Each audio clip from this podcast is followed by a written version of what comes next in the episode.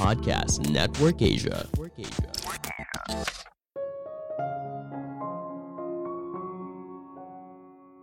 Menyesal adalah sebuah tindakan yang manusiawi dan bermanfaat untuk membuat keputusan yang lebih baik di masa depan. Halo semuanya, nama saya Michael. Selamat datang di podcast saya, Sikutu Buku. Kali ini saya akan bahas buku The Power of Regret karya Daniel H. Pink. Sebelum kita mulai, buat kalian yang mau support podcast ini agar terus berkarya, caranya gampang banget. Kalian cukup klik follow Dukungan kalian membantu banget supaya kita bisa rutin posting dan bersama-sama belajar di podcast ini. Buku ini membahas kekuatan dari sebuah penyesalan. Bagaimana dengan melihat ke belakang justru bisa membantu kita untuk maju. Setiap orang pasti punya penyesalan. Ini merupakan sesuatu yang universal dan bagian yang sehat dari menjadi manusia. Ketika kita memahami bagaimana sebuah penyesalan bekerja, maka hal ini akan membantu kita untuk membuat keputusan yang lebih baik, bekerja lebih baik, dan akhirnya membawa makna yang lebih besar dalam hidup.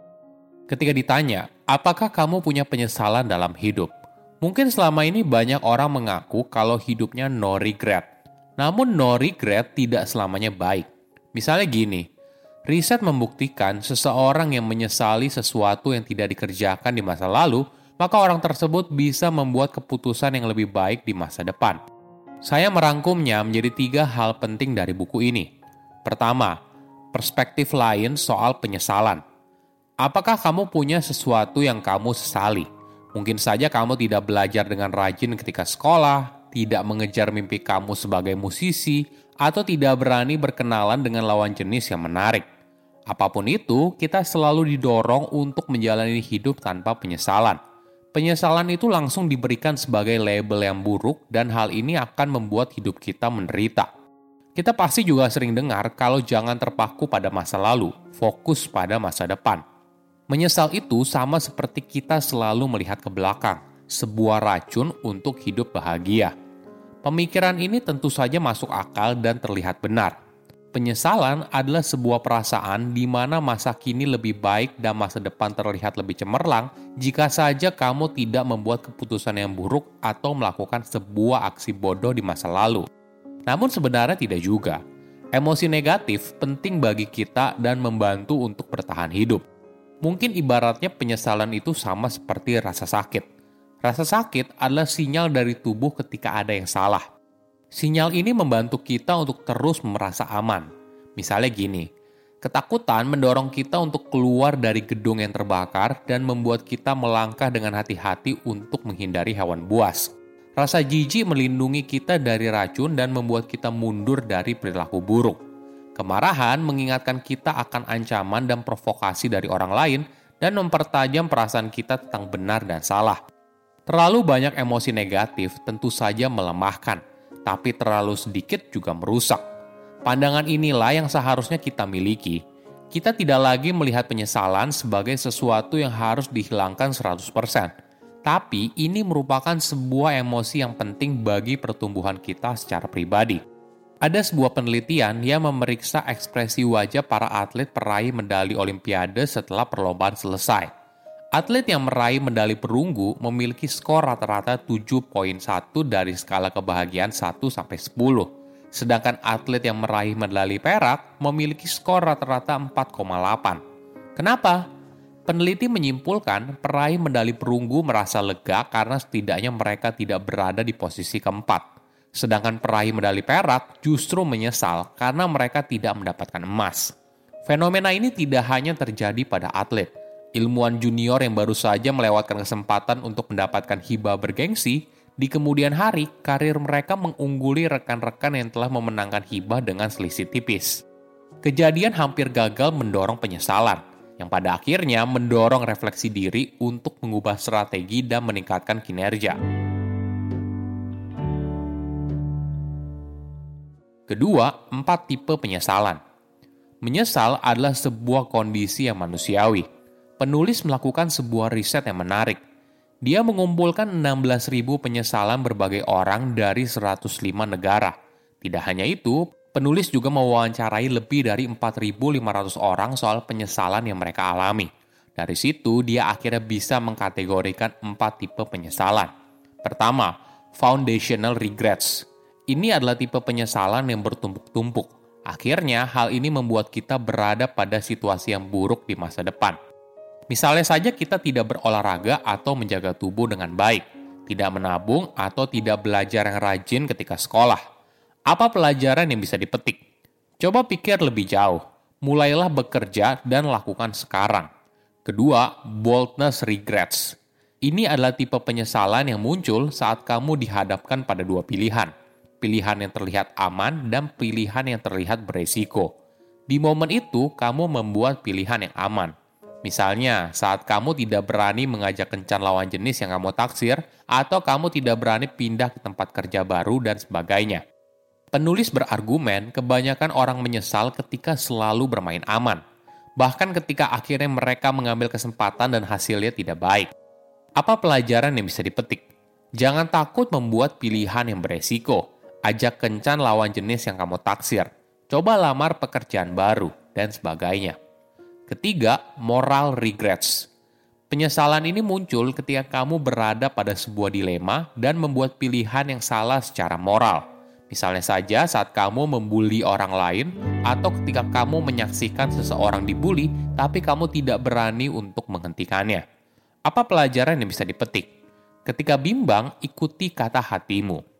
Keempat, connection regrets. Penyesalan ini muncul ketika kamu mengabaikan orang yang penting bagi hidupmu dan mereka yang membuat hidupmu bermakna.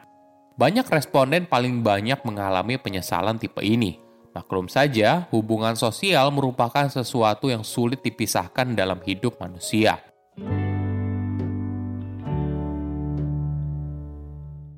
Ketiga, mengubah penyesalan jadi produktif. Menurut penelitian penulis, 22% orang Amerika mengalami penyesalan terkait keluarga. Pendidikan, karir, dan keuangan merupakan area penyesalan yang paling umum. Bagaimana caranya agar kita bisa membuat penyesalan menjadi sesuatu yang produktif? Pertama, perbaiki.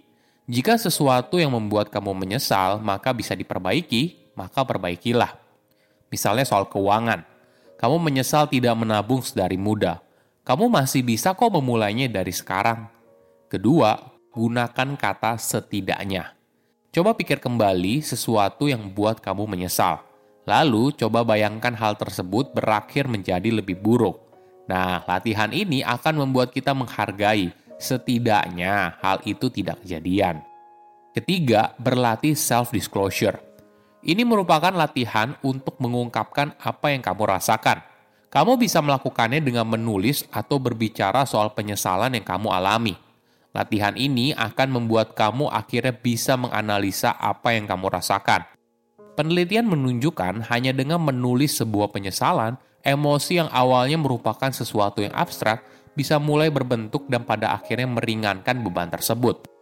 Keempat, tunjukkan belas kasih kepada diri sendiri. Kamu mungkin perlu memperlakukan diri kamu dengan lebih baik.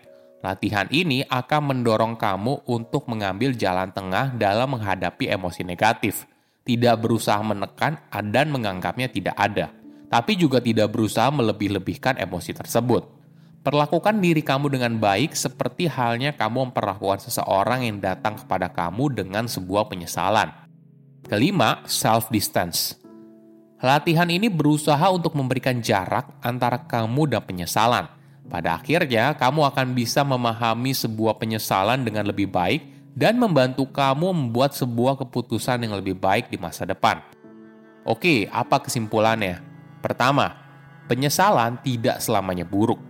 Emosi negatif penting bagi kita dan membantu untuk bertahan hidup. Mungkin ibaratnya penyesalan itu sama seperti rasa sakit. Rasa sakit adalah sinyal dari tubuh ketika ada yang salah. Sinyal ini membantu kita untuk terus merasa aman. Kedua, menyesal karena tidak menjalin silaturahmi. Penyesalan ini muncul ketika kamu mengabaikan orang yang penting bagi hidupmu dan mereka yang membuat hidupmu bermakna. Banyak orang mengalami penyesalan tipe ini. Maklum saja, hubungan sosial merupakan sesuatu yang sulit dipisahkan dalam hidup manusia. Ketiga, ubah perspektif soal penyesalan. Ada latihan yang menarik. Gunakan kata setidaknya. Coba pikir kembali sesuatu yang membuat kamu menyesal. Lalu bayangkan hal tersebut berakhir menjadi lebih buruk. Nah, latihan ini akan membuat kita menghargai setidaknya hal itu tidak kejadian. Saya undur diri, jangan lupa follow podcast Sikutu Buku. Bye-bye.